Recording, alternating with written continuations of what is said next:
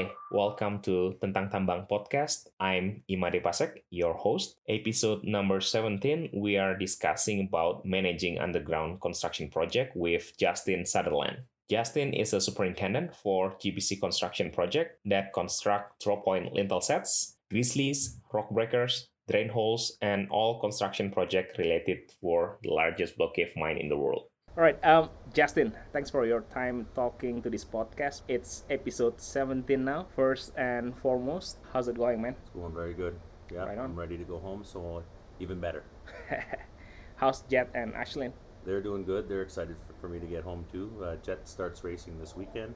Right and on. Ashlyn finally got back to get got back to work this week. Uh-huh. Uh, the pandemic had everything closed, so she was sitting at home, home Yeah, yeah. renovating and painting and keeping herself busy. But she's happy now. She's back at work. Are they getting vaccine yet?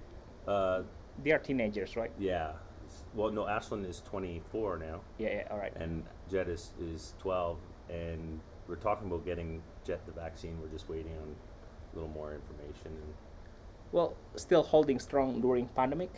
yeah yeah it's been it's been tough it's been tough this whole last year you know travel trying to get traveling anywhere has been tough and uh, you know I had corona twice well so the tests say um, I'm not su- exactly sure how bad bad I had it but the first time I lost my taste and Yeah, second yeah. time was basically a little bit of headaches in the morning and Mhm. had a couple of days where I just was so tired I didn't want to move but really it's not much more than a common cold Uh, but it's not like life threatening, eh?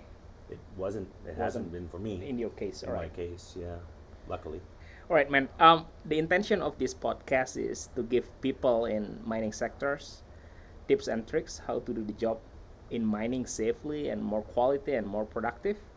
Tell us a little bit about your background, man, and how long you've been mining. You've been around the world, eh? Yeah, I've been pretty much everywhere. I actually started as my uh, started as an electrician Uh-huh. early on in my in my career, and I came with. Uh, I came into mining as an electrician. Unfortunately, the I felt that the place where we were put didn't have a lot of work, and I was fairly bored quickly. So, So, so you are electrician by trade, then? yeah. All right, right Yeah. on. So then I um, asked to go into construction. My brother-in-law was uh, one of the leaders for the construction and asked if I wanted to go into construction. And, Mhm. and I said, sure thing. I was up for new challenges and, you know, I didn't want to pigeonhole myself into one task. So Yeah. I felt, yeah, I'll take it. I'll, I'll do my best. Right on. And that was uh, in 1999. And then just stepping And- up the ladders. Yeah, and I just kept, you know, pushing myself and taking on new challenges. And when they asked me, "Can you do that?" Yep, I'll give it my best shot. And you know, I always pushed, pushed for excellence, and, Uh-huh. and pushed myself to be better all the time. And Mhm. I felt that that's what helped me become the person I am today.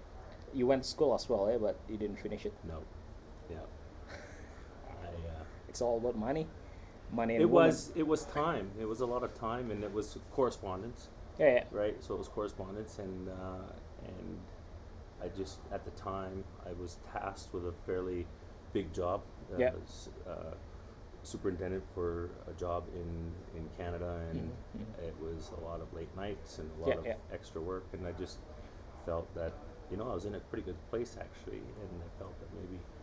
A part, part of myself told myself I didn't really need it, and the Mhm, other mhm. part said, "When am I going to do it?" Yeah, yeah, yeah. Well, you've been in Mongolia, eh? Yeah, Where I've- else? I've, been in Mongolia, Kyrgyzstan, Indonesia? Argentina, Jesus. uh, Chile. I've been in Chile, uh, Canada.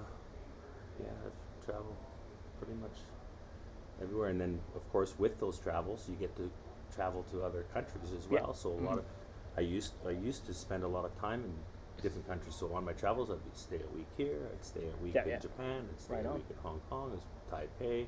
I'd go to. Uh, I really like. Uh, um, Istanbul is beautiful. I like Yeah, it there. You know, so I And to Qatar, Doha, you've been there, right? In there, yeah.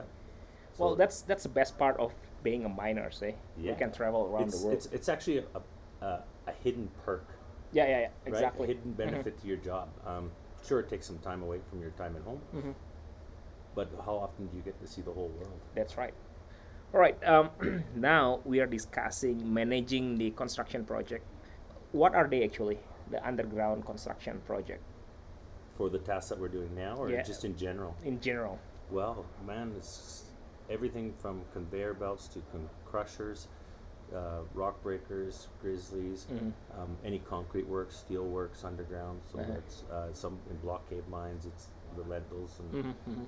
and uh, in other my sumps we do That's sumps right. and water real job. rail jobs Is I've it? Yep. Yeah. So it's pretty much anything that involves cement, steel.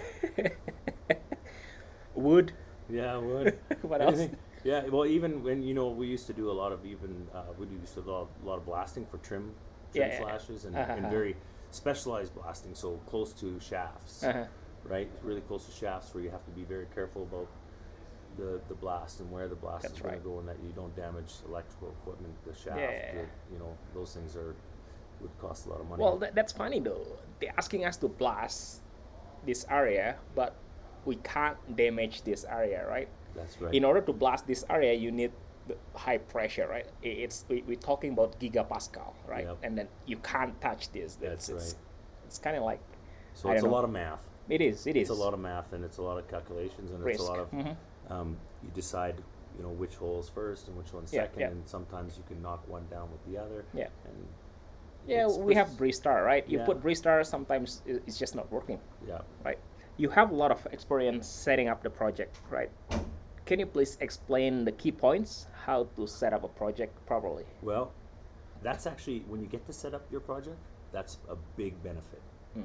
because you can set up your project exactly how you you, you got to set your standards so high Yep. if you set them high at the very beginning you can always lower them a bit Mhm. but you can never it's hard to raise them yeah. because the culture sets in and, the, Mhm, and and people's mindsets so when you set them when you set the bar too low Yeah, yeah. your expect expectations are low and then the people will work a little bit below that when you Yeah, set yeah. the bar so very high they have to elevate themselves to, to getting to start a project a construction project is is probably the biggest benefit and then choosing the people Yeah. right um, mostly the best the best people turn out to be, be the people that not the most experienced but the most motivated Yeah, yeah. Exactly. um, one of my pet peeves is people that uh, don't show up for work Uh-huh, uh-huh. so i always say you know if you don't show up for work that just tells me you don't want to be here right so motivated people is probably is probably for you can train anybody Mhm. and this and people that are a little less experienced you can train them the way you want the job done when guys come from other jobs oh we did it like this over there well that doesn't always work over here Mhm. and this way we can say no we want it done like this and they say okay no problem right Right on. Yeah, yeah, and yeah. So that's that's the biggest thing, and then setting this the having the proper documentation for safety standards and everything. So when you have that documentation and you show them that you're serious about safety, Yep. that shows to them that hey man, I got to be serious about safety. That's right. And I'm a big believer in if, if you do the, if you do the job safely, the production will follow, and it always has for me in my experience. Definitely, man. So- Definitely. Well, what about the attitude of, of, of the people that you pick? That's play a big role as well, eh? Yeah, um, we we have our, our everybody has differences. I've always found the best way to do it is hit, to hit those differences face on. Mhm. So you know, if let's say we have people that, you know can't work together, I'll bring them in my office. Yeah, yeah. I'll bring them in the office and I'll say, hey man, okay, explain to me what's going on. And usually something so small that we could fix right there. And I've seen guys turn around. Um, morale and attitude plays a big part, and you got to keep the morale up, and you gotta you gotta sandwich sandwich the bad. So you have some good news. You give them your, your your feedback and your constructive criticism, and then you Mhm. give them some good news at the end. So when they leave that there, they still know about the, the criticism that you gave you, but the last thing in their mind is It's hey, all man, about positive, right? It's about Yeah, the yeah. positive. Mhm. and because everybody wants to feel like they have value, Oh, definitely. Yeah. and that's without value, you you know our lives are fairly boring. Yeah. So we need to feel like what we're doing is valuable, and so everybody has value, and everybody, every position has value. Even the guy washing the floor or washing the car or something, we need that guy because Yeah. we're not going to put the high baller guy washing the floor. In. Oh, so definitely not, everybody has equal value. It's just in a different part. Mhm. So making sure that your team knows that they're valued will will actually result in a very productive team. Wow. Okay. Uh, what about budget and forecast and schedule and, and methodology? Yeah, you well, we start with methodology, right? When we when we when we uh, when we go to bid a job or we go to determine how much a job is going to cost, we start with methodology, and then we'll break that down. Uh, the next step is actually it, we'll go into a, a hazard uh, identification risk Mm-hmm. analysis, right? And then we'll go into And you're gonna involve a lot of guys actually, right? It's, that's right. It's can't not just a yourself, one. It's not one guy job. It's a team. Mhm, It's a big team, mhm. and uh, so everybody's got to work really close together. And then the then the money man comes in, and the money man looks at the hours on your based on your methodology. Basically, yeah, we try to keep Yeah. our we try to keep our our price uh, be competitive and try to stay on on target. Um, how to pick the best team for construction project? The best team member I've found is that um, we pick a lot of word of mouth. So we get information from other good guys that we know that are reliable guys Mhm, and everything, you know. And then we say, hey man, like you know anybody that's as reliable as you Mhm. and, and as good as you. And not only does that help you out get this another guy, but it also brings that guy up a bit too, a little bit, right? So uh, we get a lot of our great employees are usually word of mouth and then they also have some influence and the guy bringing him in also has some interest in that guy so he's going to push that guy to be better and to be safer and Yep. to work properly right because this is my guy you That's know? right. He got So- sort of responsibility, right? that's Oh, right and you can put a little bit of that responsibility on that guy you know you joke around with him hey man if this guy's no good i'm going to cut him i That's cut you too Uh-huh. right and then they big laugh right but and then they, they, they then they you know they have some interest in that guy and they push that guy to be better Uh-huh. and they and they give them their knowledge Yep. and next thing Yeah, you know you got two great guys That's right. Now we're talking about quality. Um, how you guys manage quality in, in, in the project? So every time we visit your work area, it's always outstanding, right? No question about it. Yeah, well, the with quality becomes supervision, and that is a straight up supervision. Supervision, engineering, myself. It's constant pressure on quality, right? Yep. And expectations. Like set your goals so high. Exactly. Set yeah. them so high that when when they even if they do a mediocre job, that's that quality level is Yeah. much higher than most people's. So when you set your targets and your goals so high Mhm. and expectations high, your guys will come up to it and they'll give you. They'll. They, Yeah, yeah. I mean, they, that's their value, right? That's their that's their job. That's their livelihood. Everybody wants to be proud of what they do. Uh-huh. And you know, I always say, do a job that you'd be proud of, and do a job that you'd sign your name to. If you won't sign your name to Mhm. it, then don't do it. Yeah, yeah, yeah. Yeah, because you want to be remembered, right? Let's say you install the drop point, and then next year, when when a year from now, that drop point is still standing there, and then Yep, you, you tell everybody, hey, I made that, right? That's I construct that. Um, what do you think to make um, the construction project successfully? It's it's a mixture. It's a mixture of planning. Uh-huh. It's a mixture of having a, the right people in the right place. It's definitely is is having a super high safety standard. You know, if you have you can have a thousand days, Yeah. hundred percent great, Yeah. but people remember the one day that you didn't, right? So it's it's being is having is not having those days, right? Not Yeah. having those days and uh, and following up on following up everything. You know, if, if people don't think that you're gonna f- not follow up on something, there's no sense in even doing the inspection or no sense in even Yeah. doing it because if you don't follow up, there's no those there's Mhm. no consequences or, or there's no result. Your group has a lot of innovations, right? And we need to put that into our- Continuous improvement. exactly. Yeah. right? And that goes for anything you do. Mhm. You know, I, I, I, like I know you know that I'm like an uh, amateur cook and I love cooking. That's my Yeah, yeah. hobby, one of my hobbies, and it's I've always strives for continuous improvement. Well, Mhm. that works for everything, every Yeah, yeah. task you do, every job you do. And if you're not doing continuous improvement, you're not getting ahead, Mhm, mhm. right? Yeah, yeah. Because the world evolved, we need to evolve as well. Mhm. And as you know, technology changes, as That's right. as you know your crew gets better and more efficient, right? Uh-huh. You get a wow. Well, we can. There's always room for improvement. Everything you do. Mhm, mhm. All right. Um, tips and tricks uh, to be a good construction miner. Let's say we have a guys got no experience, wants to join, um, or wants to join your team as a construction miner. Can you share the tips and tricks for them so they can be a good Research. construction? Research, right. really, yeah. Research, research what you. Um, I'll give you another example. We have a new fellow that's just started, and he was uh, not experienced in construction, Uh-huh. and he decided he was going to go to school and Yeah, yeah, welder. yeah, yeah. You Right? he was going to be a welder. Now, as he's going through a welding school, he kept con- in contact with me. You know, telling, showing me pictures of his welds. and you even pay for for it, right?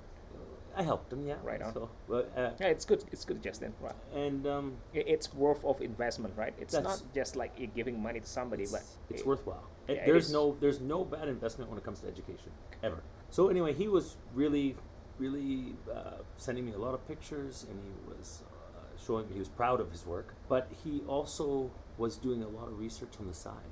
Mhm. So he'd say, "Hey man, I was watching this video on YouTube about this loader and this loader." Well, he was coming here as a welder, you know, but he wanted to know all about the loaders, and he wanted to know. Yeah, he was asking me, "Hey man, what uh, what equipment's down there?" So I tell him what this, and he researched it all up and Google it, and like there's no such thing as bad enough. That's right. So he was just trying to fill everything, every little crack in his brain Mhm. with as much knowledge as he could, Mhm. you know. And I, I sent him a picture of the Neil George and the FRM, and he asked questions about it, and that show, to me shows initiative, Mhm. and that shows dedication that he wants to make himself better. He wants to provide for his family, and and quite honestly, he tried for ten years to come up here. And a lot of people promised him. A lot of people promised him, yeah, Uh-huh. yeah, man, I'm gonna get you up there. I'll get you up there. You know, and Uh-huh. you know, and uh, Bill Rankin and myself, we helped him along, and Uh-huh. we got him here. We got know, him, and finally. He's, and he, and you know he's he's determined to be like I told him. I said, "And number one, I said I want you to be the safest worker ever." And he said, mhm. "Yeah, I'm gonna, I'll do it. I'll do everything." And he's been, you know, remember he's already remembered the cardinal the rules. He's Yeah. remembered the risks, and you know he's he's pushing himself, and that that's the kind of people. That's the kind of people we look for, and that's how to be a good a good construction miner from nothing is research, research, research, and you know, it's, and and ask questions. It's like you know, my my kid when he was two, three, four, why, why, why, why, you know. Mhm. And the worst thing is to say is, no, you know, don't ask me that, right? It's you know, you just got to keep answering the questions, right? That's right, Because yeah. No bad knowledge. Inspiring, man. Now, tips and tricks for becoming a good supervisors in construction project. be diligent with safety. Really, that's you know, once your crew is once your crew is proficient at their job, you're not telling them how to do it, Yeah. right? That you're just letting them do their thing, but you're just managing, Mhm. making sure they have the right tools.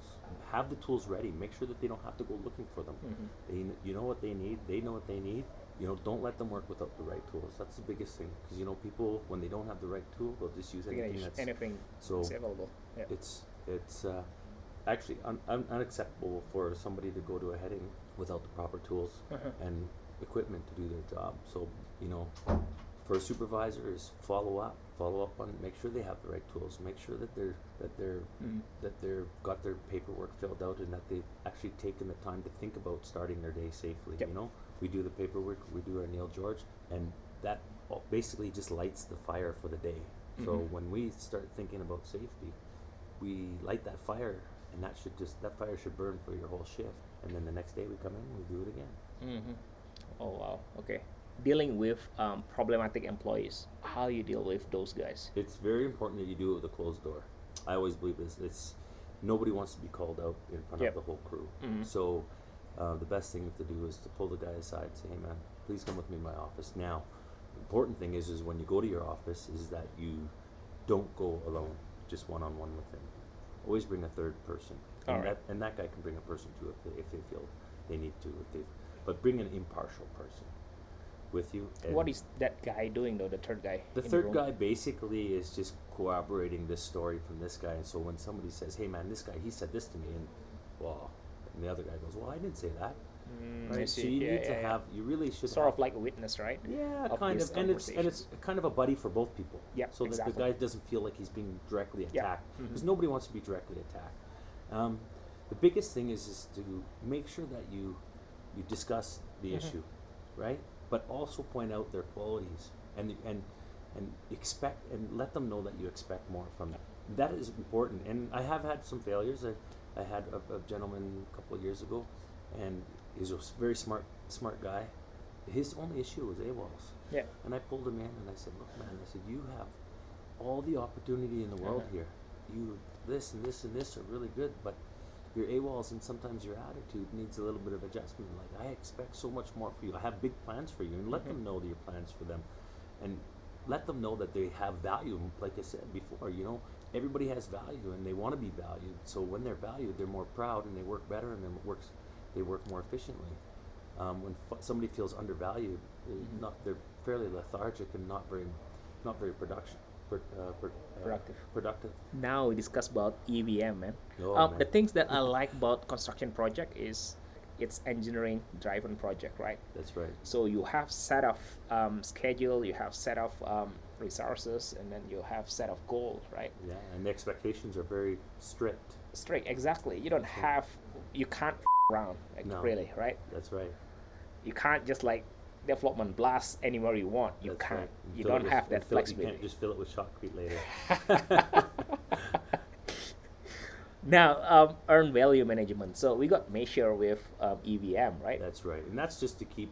That's how the corporate people, the corporate, determines that if we are actually a, an asset to the to the company and to the client, and it doesn't trickle down very far into like any supervision or anything like that. Um, but it's very important when you're looking at it from a corporate level. Yeah. And in order to to establish value and establish establish a need for Mm-hmm. for a contractor or a need for that department, Mm. they need to have some sort of tracking that is determined on paper. Yep. It can't be words, and it's got to be hard numbers. And basically, they've derived a uh, earn EVM, earn value management, How they measure it, cost and schedule. right on. Yeah. So, So, either our um, under budget or over budget, right? That's right. Or we are behind or ahead of schedules. yeah, and it's important that when you're determining the EVM, that you're using only the contract portion of the job. Yeah, exactly. To do the uh, EVM You're gonna make your contract as a template, right? That's right. So when you have the contract, that contract, that contract part of the work needs to stay inside that square, inside that box, and everything else outside needs to be basically like extra work or anything like that Mhm. needs to be kept separately from your EVM because that can de- determine the value of your EVM. And when they they project the target for your EVM, Mhm. it only contains the stuff that's in the contract. Yeah, yeah, yeah. So everything outside of that really needs to be managed as well. That's why managing the construction project is, is not as easy as the other project, right? It's not You gotta know the contracts. You gotta know the resources you Yeah. got and the goals and Yeah, it's it's it's bigger than backing up a mixer truck and swinging a hammer. You know, it, there's a lot of stuff behind behind the desk that that happens on the on the computer, the computer. that Yep. justifies your your your worth and justifies the, the worth of you know having a hundred guys. Yeah, that's right. And we gotta keep those hundred guys working, right? That's That's that's, the problem. Sometimes we don't have enough headings. Yeah, That's why you have initiative to help other department, that's right? right. That's that's Just really keep good. pushing and make yourself valuable in all. Make yourself valuable in all areas. Yeah, yeah, You yeah. need to be. You need to make sure, sure that you're that you're you can. Yep, we can do that. Yep, you you want to do that? Yep, no problem. And you got to be able to be flexible and be able to Mhm. not just stay so strict on on on the contract because there's always room to do extra, and you know that may lead into bigger contracts later and extra contracts. exactly. Yeah. And, and a lot of times it has. Company relationship and production and, and a good EVM is all the and a good safety record. Yeah. The only thing that there's going to result in is more work. Exactly. Whether and it comes everyone from- win, right? That's right. Whether it comes from that same company or word of mouth to the next company, Mhm, and mhm. that's how that's how companies stay stay profitable and stay because they stay working. And Yeah. it's word of mouth. Mostly word of mouth is Mhm. and like I use it with my men, man manpower as well. Word of mouth gets you everything. Yeah, exactly. Wow. Yeah, the proof is in the pudding. My last questions. You have excellent relationship with a client, right? At the same time, you get the job done Yep. and also help other department. Share a little bit your tips and tricks um, communicating with clients or negotiating or. Dealing with client or managing expectation with those guys. Well, that's a that's a, uh, a, tough question, but an easy question. I'll start with the expectations. Yep. Sometimes the expectations are need to they need to be realistic. Uh-huh. Set your goals high, of course, Yep. right? But also make them achievable, Mhm. right? Because nothing worse than having an unachieved goal. Yeah. It's better to, to be a little bit of an overachiever than to be an under, underachiever. So, um, but managing that is treat people the way you want to be treated. That's important, right? Speak to people the way you want to be Yeah. spoken to, and expect and expect.